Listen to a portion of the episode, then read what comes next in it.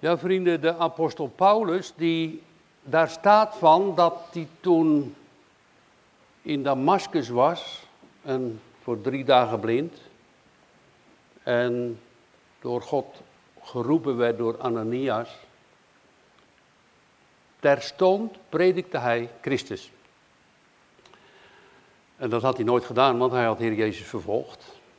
En hij is een heidenapostel geworden en dat weet u, want al die plaatsen waar hij geweest is, daar heeft hij gemeente gesticht. En voor ons hebben we de brief aan de Corinthiërs. En dan schrijft hij, voortsbroeders, maak u bekend dat evangelie dat ik u verkondigd heb, terwijl gij ook aangenomen hebt, terwijl gij ook staat, door het welk gij ook zalig wordt, indien gij het behoudt, op zodanige wijze als ik het u verkondigd heb, tenzij dan dat gij te vergeefs geloofd hebt. Hij heeft gepredikt van de gekruisigde Christus, van de noodzakelijkheid van het offer. En u mag wel weten dat Paulus een hele geleerde man was, maar hij was opgevoed bij Gamaliel, een hele grote rabbi die heel bekend stond. En hij heeft er later nog over geschreven dat hij dus een Hebreeër was uit de Hebreeën. En zelfs ook uit het, uh, de stam van Benjamin. Heel veel voordelen leek hij te hebben. Maar alles wat voor voordeel was, heb hij later als schade en drek weggenomen en weggedaan om de uitnemendheid van Christus. Hij predikte. En is werkelijk ook zo nodig geweest om het evangelie in heel de wereld, naar de belofte van God, dat het over heel de wereld verspreid zou worden. En dat de Heer Jezus is opgevaren naar de hemel. Predik het evangelie aan alle creaturen. En dan hadden we de vorige keer ook wel eens gezegd, ik was door dominee Veldman uitgezonden met handelingen 1, vers 8. Dat de Heilige Geest ontvangen. En dan te Jeruzalem beginnen en dan al die landen, hè, alle creaturen. Ik denk, ja, daar kom ik nooit, maar u bent naar mij gekomen. Hè? Zoveel mensen hier. Vorige keer ook gezegd. Dus dat vind ik echt wonderlijk dat God ons zo bij elkaar brengt. En het is ook heel belangrijk om samen de Heer te zoeken. Vanmorgen werd er gezegd door uh, een zuster hier. Het is een smalle poort, het is een enge weg. Maar het is de goede weg, de weg van het behoud. Dat heeft Paulus gepredikt heeft hij doorgegeven. Het ging bij hem niet alleen over de gekruisigde Christus, maar juist later ook veel meer over de opgestaande Christus. Hij leeft. De apostel Paulus ging niet alleen op zijn weg. Hij had de besturing van de Heilige Geest en hij had ook de stem en het licht uit de hemel gezien. Maar de Heer was ook met hem. En zo heeft hij getuigd. Als je dan de handelingenbrief leest, dan staat er op het laatst en al die moeilijkheden die er waren, en al die zorgen en die stokslagen en, en, en bijna een paar keer verdronken en gestenigd. En dan staat er plotseling aan het eind van de handelingenbrief dat het onverhinderd was. Dus hij kijkt alleen naar de Heer. En laten wij dat ook gaan leren, dat we veel meer opzien naar de almachtige koning Jezus Christus, de koning der koningen. Hij is werkelijk zo'n uniek persoon heeft alle macht in de hemel en op de aarde. Ik denk dat we vaak helemaal beneden onze stand leven als we Hem kennen. We mogen echt alles aan Hem vragen. Hij zorgt. Hij helpt. Er was een uh, prediker die uh, had een spijker nodig. En hem gebeden. En de Heer had een spijker voor hem. En zo hebben we dat ook mogen zien hier. En ook afgelopen keer. Onze broeder is hier, Steven, of hij is nog daar. Huilend stond hij hier, oh mijn kleinkind. Ik denk dat, hij, dat het niet goed gaat. En nu is hij alweer thuis. De Heer zorgt, is een behoeder en een bewaarder. En als het anders is, dat we dus allemaal de eeuwigheid tegemoet moeten gaan, dat we dan ook de basis hebben van ons geloof en de genade van Jezus Christus en de vergeving van onze zonden. is zo belangrijk. Dat heeft Paulus allemaal gepredikt en hij gaat ook bewijzen hier in uh, de Korinthebrief dat de Heer Jezus is opgestaan. Want hij zegt in vers 12, uh, als indien nu Christus wordt gepredikt dat hij uit de doden is opgestaan. Hoe zeggen sommigen onder u dat er geen opstanding der doden is? Dat is best wel heel moeilijk te geloven. De opstanding uit de doden. Je gaat naar de begraafplaats, daar zie je al die stenen. En daar liggen ouders of kinderen of familie of andere mensen. En opstaan uit de doden, ja, wetenschappelijk gaat het helemaal niet. En kan het ook helemaal niet. Maar toch is het wel zo. En daar werd ik helemaal erg bij bepaald. Ik dacht, hey, afgelopen maandag, dinsdag, is dat niet een, een, een mooi stuk om, om over na te denken? En dan wil ik toch even vertellen aan u dat ik eh, met een vriend afgelopen donderdag naar Antwerpen ben gegaan met bijbels en boekjes. En daar ontmoeten we heel veel mensen. Die komen dan langs bij het station. Heel veel mensen hebben zo'n 200, 300 bijbeltjes bij ons. Dat is Frans, eh, eh, Duits, Engels en, en, Nederlands en ook wat dagboekjes. Nou, die, die mensen komen voorbij en wij vragen of ze een bijbel mee willen nemen. Er kwam een meneer langs, dat wil ik u even noemen. Er kwam een meneer langs en hij zag er echt ziek uit. En ik bood hem de bijbel aan. Ik zeg, ik heb voor u een bijbel. Hij zegt, nee, nee, de bijbel, nee. Hij zegt, ik uh, ben uh, atheïst. Oh. Ik zeg, nou, ik ben uh, fundamentalist. Hij zegt, fundamentalist? Ik zeg, ja, dat rust op het fundament van Jezus Christus, de uiterste hoeksteen. Oh, zegt hij. Hij zegt, maar ik ben niet alleen een atheïst, ik ben ook een vrijmetselaar. En ik heb lezingen over het hele land met duizenden mensen. En dan getuig ik dat er geen opstanding uit de doden is. Nou, we hadden een heel lang gesprek en ik kwam dus niet verder met hem. Maar ik zeg, u mag de Bijbel hebben, ik heb ook nog een dagboekje voor u. Maar ik dacht, nou, ik zeg tegen hem, u houdt me lang op. Ehm, wij komen toch niet verder, maar ik heb hier een dagboekje en daar staat uw geboortedatum in. Zou u wel eens even willen kijken? Dus hij, hij zegt dus, hij heeft dus lezingen dat niemand uit de doden opstaat. Hij gelooft dat niet. Nou, Paulus zegt als dat zo is, dan is heel onze kerkdienst te vergeefs. Nou, hij zegt, uh, ik ben jarig op 12 augustus. Nou, ik heb het ook niet gelezen, maar... En daar staat, ik zag, openbaring 20 vers 12, ik zag de doden, klein en groot, voor God staan en de boeken werden geopend. Ja, dat staat wel haaks op mijn lezing zei hij. Ik zei, ja, dit is het woord Gods. Het is op uw geboortedatum. Hij wilde een Bijbel meenemen. Die zieke meneer die ging weg, kwam even later toch, ja, dat, dat boekje wil ik ook wel hebben. Dus hebt u wel meegemaakt. Ja, dan bid je toch dat God in zijn hart werkt. Is, zijn er niet big vissen gevangen zoals een Nicodemus? En hoe is Paulus gevangen? Daar gaan we over nadenken. Dus ik dacht, ik ga dat toch even aan u melden, want ik vind het, ja, soms, iemand heeft wel eens gezegd, eh, vrienden, als je evangeliseert op de straat, geef dan ook een woord van God mee, want het evangelie is een kracht Gods. Onze woorden die falen zo snel, maar Gods woord is eeuwig. En hier staat het, hè, openbaring 20 vers 12, ik zag de doden klein en groot voor God. Ik zeg, nou, u staat namelijk ook voor God. En dan gaan de boeken open, hij weet alles van u. Ik zeg, bekeert u. Nou ja, hij is uh, met het boekje weggegaan en wij geven hem dan ook over. Want je kan ook je hart verharden, toch? Dat je zegt, nou ja, ik heb het gehoord en toch doorgaan. Vrijmetselarij, een hoge meneer. Hij was hoog in de orde en noem maar op. Nou, we hebben het mogen vertellen. Wij zien dan nu hier Paulus, die hier getuigt van de opstanding van Jezus Christus. Hij zegt, hij is van Cephas gezien. Hij gaat het vertellen. Ja, jullie, er zijn er dus sommigen onder jullie die niet geloven in de opstanding der doden. Maar Cephas heeft hem wel gezien. En hij is ook gezien door 500 broeders. En als u, als u nu, Corinthiërs, dat wil nagaan. Er zijn er nog bij in leven, in die tijd dan, toen hij dat vertelde. Dus, het is niet naar mijn woord, maar let u goed op, het is zoals hij zegt, dat Christus is gestorven voor onze zonden na de schriften. Wat is voor ons en voor mij en voor iedereen het houvast van de opstanding uit de doden? Is dat niet Gods woord zelf? Is dat ook niet het licht uit de hemel? Is dat ook niet de openbaring en de ontmoeting van Jezus Christus zelf?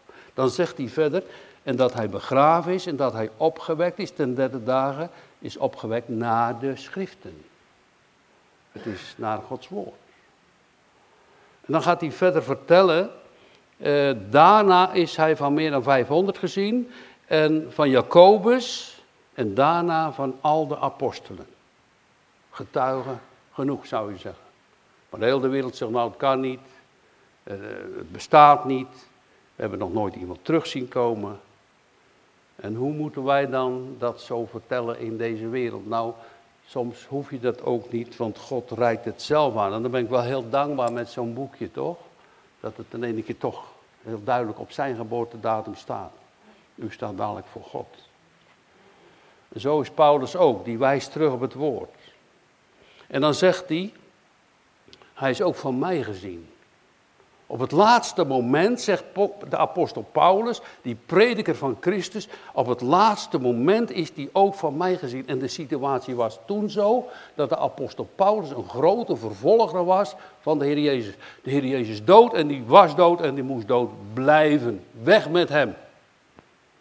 Zo fanatiek en zo vijandig tegen Christus, die zij zagen als een grote bedrieger en die dus die apostel Paulus, die vroeger Saulus genoemd werd, is de gemeente van Christus gaan vervolgen. Hij is onderweg gegaan met brieven van de gemeente uh, uit Jeruzalem, van, de, van het Sanhedrin zeg maar. En dan waren ze daar met soldaten en een macht om die mensen, zelfs in het buitenland, terug te brengen naar Jeruzalem om ze daar te veroordelen. Hij vond het ook helemaal niet erg als die mensen gedood werden die in de Heer Jezus geloofden.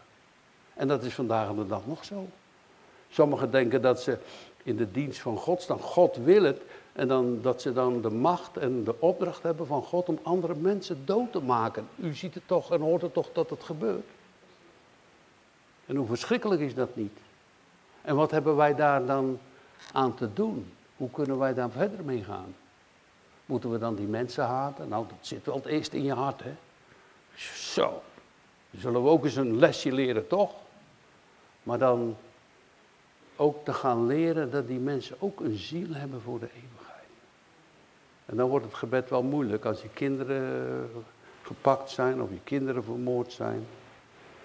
Wat een genade heeft Paulus ontvangen. Ze hadden hem ook echt niet vertrouwd hoor, toen hij de Christus ging prediken. ja, eens kijken wat hij gedaan heeft. Er was, moest echt heel veel overheen. Er moest echt, uh, de mensen moesten het echt ook zien aan de vruchten. En hij is toen onderweg gegaan. En onderweg plotseling een heel fel licht. En hij viel op de grond. Hij werd verblind. Een, een licht nog feller dan de zon, schrijft hij op een andere plaats. Het licht van Christus. Hij had de Heer Jezus niet gevolgd. Hij was geen apostel zoals die anderen. Hij was eigenlijk, uh, zoals hij zichzelf noemt, een ontijdig geboren. Maar hij was op de grond gevallen en, en had de stem gehoord. Er staat ook dat hij Jezus gezien heeft. En, en wie zijt gij? Moet je je voorstellen. Ik ben Jezus die gij vervolgt. Want het kan gebeuren in mensenleven. Dat we zo uh, zijn en zo zelfs godsdienstig kunnen zijn of zo religieus kunnen zijn dat we voor God strijden en juist tegen Hem strijden. Kan echt gebeuren hoor. En dan denk je, nou ik doe het goed mijn best, het is allemaal geweldig wat ik doe. Maar dat je dan precies tegen God strijdt. Hij deed het in grote mate, heeft er heel zijn leven last van gehad. En heeft ook, heeft ook daar dingen over gezegd. Hij zegt hier, ten laatste van al is hij ook van mij uh, als van een ontijdig geborene gezien. Als je dat nou terugkijkt in de, want de Bijbel is in het Grieks geschreven, dan staat er eigenlijk als een ontijdig geborene, daar staat eigenlijk abortus. Dat staat er eigenlijk. Als iemand die geaborteerd is, die er eigenlijk helemaal niet bij hoort. Nou, uh, ik had daar ook nog over nagedacht en, en gezien over abortus. Er was ook nog een discussie over op SIP of zo. Nou, meestal doe ik dat niet, maar ik had er eens even naar gekeken. En toen had ik nog een plaatje meegenomen en abortuskinderen in de buik van hun moeder van 23 weken worden kapot geknipt. Armpjes eraf, beentjes eraf, hoofdje verbrijzeld. Ja, als je gelooft dat er geen opstanding uit de doden is en als je gelooft dat alles maar dood is, ja, dan denk je alles maar te kunnen doen in de wereld. Maar zo is het niet. We hebben, zoals we net gelezen hebben hier, dat de boeken zullen geopend worden over ons. En hoe zou u en ik dan rechtvaardig zijn voor God? Zou je dat durven met je eigen dingen? Paulus niet. Paulus had heel veel mooie dingen te noemen. Hè? Hij was uit uh, de stam van Benjamin, een Hebreeër uit de Hebreeën. Had heel veel mooie dingen te noemen. Kijk wat ik allemaal deed. Naar de wet, een fariseer. Hij was dus helemaal ijverig in de heilige wet. Maar toch een grote zondaar, heb je later gezien. Hij had de Heer Jezus nodig. En wij allemaal. En heel de wereld heeft de Heer Jezus nodig. En iedereen die tot God komt. Niemand komt tot de Vader dan door mij, zegt de Heer Jezus. En dat is zo geweldig dat we niet dan een dode Jezus hebben, maar een levende. Hij leeft. Wat doet de Heer Jezus? Hij leeft om voor ons te bidden. Want we zijn zo. Ja, we hebben vorige keer ook wel gezegd. Kijk, als je. Het is zo'n scheppende kracht hè, bij God. God spreekt en daar zijn licht. Nou, dat is voor ons niet te bevatten, maar in die duisternis is het plotseling licht. Hij schiet de hemel en de aarde uit het niet. Maar als hij u en mij wil vernieuwen, een nieuw hart wil geven, wederom geboren wil laten worden, wat een werk heeft God aan ons. Tegenstanders. Ho, ho, ho. Ik ga zelf mijn eigen weg wel. En ik weet wel hoe het moet. Maar God is zo machtig en krachtig. Want een geduld heeft de Heer Jezus met ons, toch? Ik vind het over mij wel hoor. Ik weet niet hoe het met u is. Maar wat een geduld heeft de Heer Jezus met mij gehad. En, en, en laat hij zien dat hij vol van liefde is. En dat hij niet alleen aan het kruis gaat, maar dat hij ook bidt voor ons. Dat hij de Heilige Geest uitgestort heeft. Dat hij ons erbij roept. Dat hij ons wil laten geloven dat hij leeft en dat we hem kunnen ontmoeten. En dan gaat het Paulus natuurlijk om. Ik heb hem ontmoet. Ik heb hem gezien. Ja, u was de apostel, maar wij dan? Hoe zit het dan met ons? Zullen wij ook de Heer Jezus ontmoeten? Hij is toch al in de hemel? En, en zal ik hem ook zo kunnen ontmoeten? Ja, ik denk dat, dat dat zeker kan gebeuren. En dat dat ook gebeurt. En door het geloof. Want uh, we hebben de Heilige Wet gelezen en als je dan door die Heilige Wet zo schuldig weet, hè, dat je dus aan die Heilige Wet schuldig weet. Ik denk, ja, dat, dat red ik nooit. Dat je inzicht krijgt van de Heilige Geest, die zal ons overtuigen van gerechtigheid en oordeel. Dat je dus gaat weten en gaat zien, nou, dat krijg ik nooit voor God voor elkaar. Dat je dan plotseling mag zien en geloven mag. Ik draag uw Heilige Wet die u, o God, de sterveling zet in mijn ingewand. En dat wil ik voor jou doen, als je dat mag geloven. Ik ga dat voor jou doen. Heb je dat wel eens ervaren? Dat hij zo als het ware naast je stond, dat je denkt, ja, dit ga ik niet redden, maar hij wel.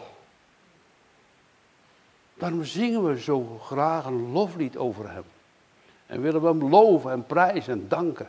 Want hij is onbeperkt in zijn liefde, in zijn kracht, in zijn goedheid, in zijn trouw. En ja, dan de zorgen en verdriet in de wereld. Als ik dan dat weet van jullie. En de een heeft dit en de ander heeft dat. Maar pak het maar een beetje op. Neem het maar, eh, eh, dat kruis, neem dat op u. Al is het moeilijk. En met dat kruis zie dan ook op de Heer Jezus. Dat heeft Paulus ook gedaan, hè? Hij heeft voortdurend op de Heer Jezus gezien.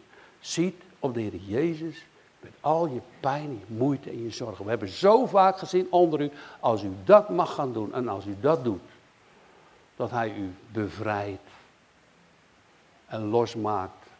Dat kan ik misschien wel even vertellen. Uh, onder ons uh, zit een geliefde zuster Haar, haar dochter is vermoord. Met uh, 14 messteken of zo. 25 jaar, de twee kleinkinderen lagen in het bloed. Maar ze hebben door Gods genade de moordenaar mogen vergeven.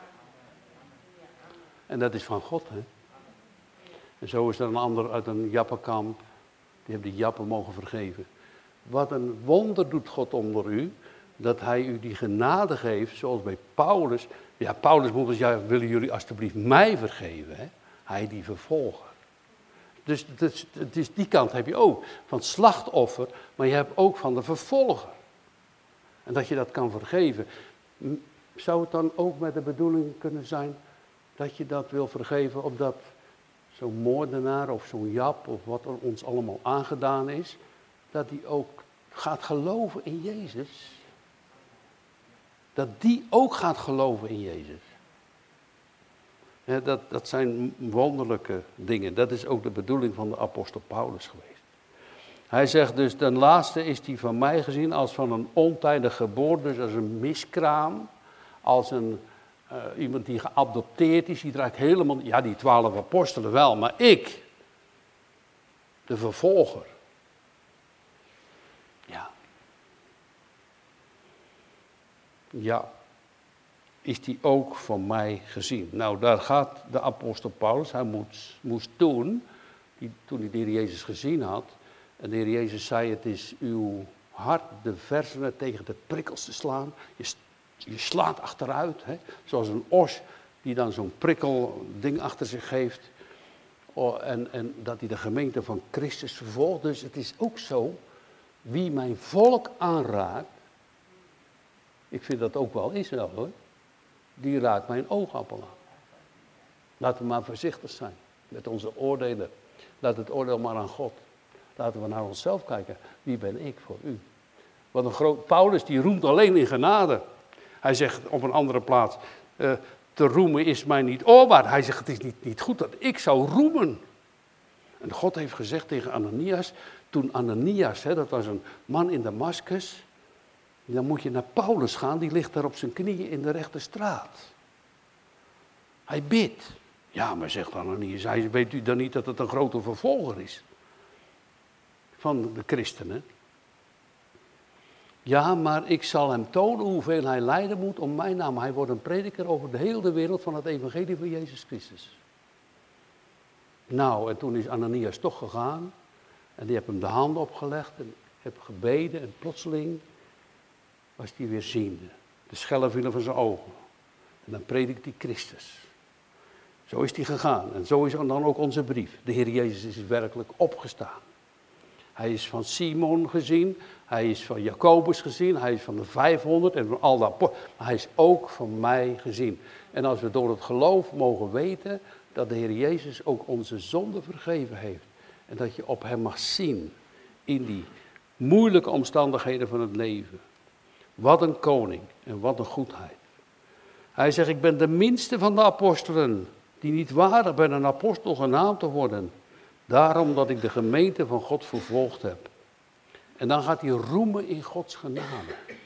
En die genade van God, dat is, dat maar een woord, hè? maar dat, dat is zo'n diepe gedachte. Hè? De genade van God betekent eigenlijk, als hij dus hier, dus dat licht op hem afkwam en een vervolger en zichzelf zo'n abortus noemt, wat had er dan moeten gebeuren? Nou, hij had direct dood moeten gaan, toch? Afgelopen met die Paulus. Weg met hem. Nou, en daarom zegt hij, dat is niet gebeurd. Ik had wel helemaal aan de kant geveegd moeten worden en misschien voor eeuwig in de duisternis en in de hel geworpen moeten worden. Maar dat is niet gebeurd. Dat is niet gebeurd. Jezus gaf genade. God gaf genade. Hij raapte mij op. Hij wilde mij gebruiken. Hij zegt later van mijn moeders buik af wist God al dat ik dat moest gaan doen. Zo. Doch door de genade van God ben ik dat ik ben. En zijn genade die aan mij bewezen is, is niet zomaar. Dus, dus, dus er ging ook wat gebeuren in zijn leven. Vroeger heb je heel veel dingen gedaan, maar het was allemaal fout. Kan u dat misschien in uw eigen leven ook zien? Dat wat je allemaal maar deed, hoe goed je je best ook maar deed en zonder God, is allemaal fout. Het loopt op niets uit. Hoe, mooi je ook maar over jezelf wil denken, het loopt dan op helemaal op niets uit. Maar toen God hem aangeraakt had, ja, dan zegt hij, door de genade die aan mij bewezen is, die is niet ijdel geweest, maar ik ben een overvloediger arbeider dan zij allen. En dan gaat hij niet zeggen, oh, ik. Nee, maar dat was ook weer uw genade in mij. Ik kon niet anders en ik wilde niet anders. U had mijn wil vernieuwd. En wat ik nu ging doen, dat leef ik Christus. Nou, dat is geweldig. Dat is zo wonder. En dat is ook de waarheid. Dat Jezus leeft. En dat hij opgestaan is. En dat we met hem kunnen spreken en tot hem kunnen bidden. En hem kunnen aanbidden. En hij hoort ons. Staat er niet in Psalm 116. En hij neigt zich het oor. Of u er ook bidt. Of u er ook roept. En Vechel, of waar u ook maar vandaan komt. Hij neigt zich het oor. God heeft lief van die getrouwe Heer, die hoort mijn stem. En dan mag je ook zien en weten in die gebeden en in die verhoring en in die trouw van God dat Hij met ons is. waaraan kan je dan eigenlijk wel weten dat je een kind van God bent? Is dat lastig of is dat moeilijk? Hoe weet je nou dat je een kind van God bent? Weet je wat de Bijbel daar wel zegt? De Bijbel zegt, uh, dat zegt de Heer Jezus zelf ook, hè? aan de vruchten van iemands leven zou je dat gaan zien. Wij hebben ook vaker gezegd, kom zoals je bent maar blijf niet die je was. God geeft vernieuwing. En het geeft ook een grote verantwoordelijkheid als je zijn naam roemt, noemt, erkent en dan nog bij het oude leven blijven? Nee toch, dat kan niet. Dat wil hij niet. Hij, die God die ook vernieuwt, een nieuw leven geeft. Is dat saai? Ik heb het vaker zo gezegd. Ik vind het echt niet saai hoor. Ik vind het soms wel heel moeilijk. Je hebt heel veel struikelblokken, maar het is echt mooi. Het is echt goed. Wat gebeurt er dan als je die machten of die boosheden zoals u dan vergeven heeft? Nou, dan was je eerst geboeid aan de problemen, aan de nood, aan de zorg, aan de pijn, aan de moeite. Het bleef maar woekeren in je hart. En heel veel dingen blijven bij mensen in hun hart woekeren. In boosheid en ontevredenheid. En dan plotseling, door Gods genade, dat zegt Paulus toch ook, breken de boeien los. En stelt God ons in de vrijheid van Jezus Christus. Dat is echt zijn bedoeling. Hij wil ons niet maar voortdurend in die verdrukking houden, maar hij wil ons laten leven uit hem. Daarom staat er ook in de Bijbel dat wij onze reinigmaking en zaligheid buiten onszelf in Jezus Christus zoeken. Het is daar de bron van het leven. De krachtbron die ons gegeven is. Ook als er gepredikt wordt naar de opdracht van God zelf. Leest u dat maar in de 1 Korinthebrief dat God bevolen heeft door de dwaasheid der prediking zalig te maken, die geloven. Heeft Paulus dat voortdurend gedaan. Hij heeft overvloediger gearbeid. Nou, hij maakt ook wel tenten voor zijn eigen levensonderhoud. Maar ik denk wel, als hij zo'n tent aan het maken was, ik weet niet hoe dat dan precies gaat. Ik denk met naald en draad of zo. Maar er kwam iemand langs. Nou, dan uh, sprak hij over de Heer Jezus hoor. Terwijl hij aan het werk was. Hij had alle schroom verloren, want hij was door zoveel mensen en nog steeds is hij blijven, dat hij blijvend aangevallen is. Jezus had gezegd, ik zal hem tonen hoeveel hij lijden moet om mijn naam. Nou, laten wij dan niet te kinderachtig zijn, alstublieft. Als je kijkt naar Paulus, maar als je dan nog verder kijkt naar de Heer Jezus, wat moest u lijden? En die geweldige toekomst die Jezus Christus ons beloofd heeft in zijn woord. Ja, maar sterven is toch niet eenvoudig, toch? Als je ouder wordt, hoe moet dat dan? Zou het allemaal wel goed komen? De laatste vijand? Ja. Nou, ik heb daar voor mezelf natuurlijk ook over nagedacht. Als je dan ook eh, bijna 70 bent geworden, dan, dan denk je daar toch ook over na. En trouwens, voor iedereen is dat zo. Als je jong bent, kan je ook zomaar sterven. Hoeveel sterven er niet? Maar ik denk, ja, dan word je ook wel, denk jongen, dat is wat. Kun je niet voorstellen ook, hè, om in het graf gelegd te worden. Maar dan dacht ik, hé, hey, dat ga, als ik zo door blijf denken en zo, dat zal me nooit lukken dat ik, dat ik mijn eigen mag overgeven. En, maar laat ik mijn eigen houden aan zijn woord. Want hij zegt, uh, indien er geen opstanding der doden is, dan is de Heer Jezus ook nog dood. En als de Heer Jezus niet opgewekt is, zo is dan ook onze prediking voor niets, ijdel. En ook voor niets is uw geloof. Dan heb je er helemaal niet. Ja, dan zou je zeggen, nou uh, mensen, uh, doet u de deur dicht, ik ga naar huis. Zo is het. Dan heb het allemaal geen zin. Dan hebt die man gelijk daar, die, die, die, die atheïst, die vrijmetselaar. Dood is dood. Maar dat is niet waar. Wij hebben een hoop en een toevlucht. Het woord Gods. Dat dat niet makkelijk is en dat dat moeilijk is. Nou, daar hebben we elkaar toch ook nog voor, om elkaar vast te houden, om elkaar te bemoedigen, te gaan zien wie Hij is. De schoonheid van Jezus Christus. En Hem te volgen in goed gerucht of kwaad gerucht. Ja, nou, soms ben je wel eens moedeloos. Heb u dat niet? Nou, ik heb het natuurlijk ook vaak. Dan denk je, ja. Nou, uh, voor mij hoeft het eigenlijk allemaal niet meer. Heb je toch ook wel eens. Soms zo moeilijk, al die aanvallen. Ja, van, van binnenuit, weet je. Van allerlei dingen komen op je af. Dan denk ik, maar dan, uh, als je dan maar weer gehoorzaam bent aan zijn woord, biddend, en dan zie je soms weer zoveel blijdschap. En dan hoef je hier niet, ook als je predikt of als je in de kerk bent, niet helemaal met zo'n lang gezicht te zitten. Maar dan zeg je, wauw, wat bent u goed. Wat bent u een koning. Hè? Wat bent u voor liefde. Wat hebt u goed voor mij gezorgd. Heb u dat niet? Wat hebt u goed voor mij gezorgd. Echt waar.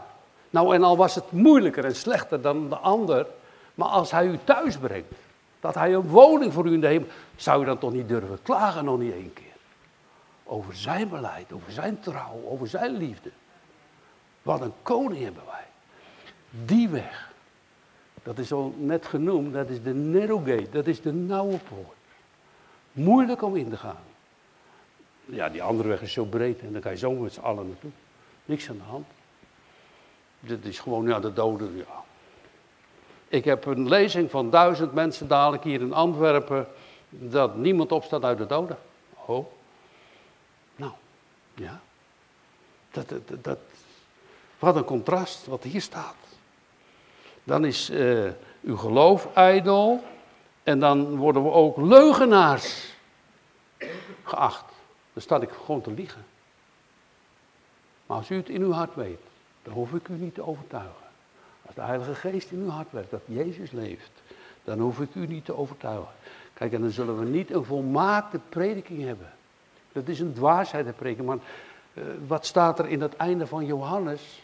Dat al die dingen zijn geschreven opdat u gelooft. En Jezus zegt toch ook zo vaak, uw geloof heeft u behouden dat vestigt zich. Kijk, misschien nou gaat, gaat misschien dat ding piepen, maar ik wil dat wel even voordoen. Ik, heb dat wel, ik denk, ja, dan zie je zo'n touw hangen. Hè? Ja, de Heer is daar boven in de hemel. En, en, en, en ja, wie ben ik? En, en, en dan mag je zo'n touw zien als een geloof, weet je. Ja, ik klim maar niet naar boven, maar zo, je mag het vasthouden. Het is de waarheid. Het is de verbinding. Het is geschonken. Hij kwam zo, kan je dat ook zien. Bij Jacob heb je het ook gezien, hè? die ladder gods. Hij daalde neer, werd mens, is gekruisigd, is gestorven, is begraven. En is nedergedaald ter helle. Hij is opgewekt door de Vader. Hij leeft. Dat het in uw hart is. Dat is onze wens en beden. Maar ook voor die man, weet je wel, die vrijmetselaar. Wie weet. Dat hij denkt, ja. Dat God gaat spreken in zijn hart. Dat ik dadelijk ook voor God sta. Hij heeft het in ieder geval wel gehoord. En ik hoop dat hij ophoudt met die lezingen. En dat hij een andere lezing gaat houden. Paulus, de apostel Paulus, hè, nou die had dus heel veel spraak en dingen gedaan en gezegd antichristus. Hij was opgevoed bij Gamaliel. Was een hele wijze man, Paulus. Maar ik denk niet dat het allemaal weggegooid geld was, om het maar even plat te zeggen. Maar dat hij dat toen helemaal anders is in gaan vullen, totaal anders is gaan zien. Oh, dat gaat allemaal over Jezus. Heel het woord. Het woord is de bron van leven. Is alfa en omega. Dus al die studie die hij had, dat was natuurlijk niet weg. Hij, hij kende de schriften. Zo'n fariseeër die zit, wat zit, wij zijn daar wel eens door, door Jeruzalem gelopen. En, en dan in de nacht, weet je, dan, ja, die andere mannen gingen een beetje slapen, maar ik denk, ik ga door die wijk heen, die Sarimwijk. Nou, daar, zitten ze, ja, echt uh, hele van die, van die kamers vol. Dan kon je zo naar binnen kijken, heel dikke champotglazen. En zat te lezen. Nou, sommigen sliepen wel, als je dan voorbij komt, schrokken ze wel wakker, maar ja, dat had je ook wel. Maar toch, ze zijn voortdurend bezig om in het woord te lezen. En toch, ze zagen het niet. Wat is dan Gods genade groot als het in uw hart mag komen? En u mag zeggen, Hij is ook mijn zaligmaker en heiland, opgestaan uit de doden en Hij leeft om voor ons te bidden. Amen.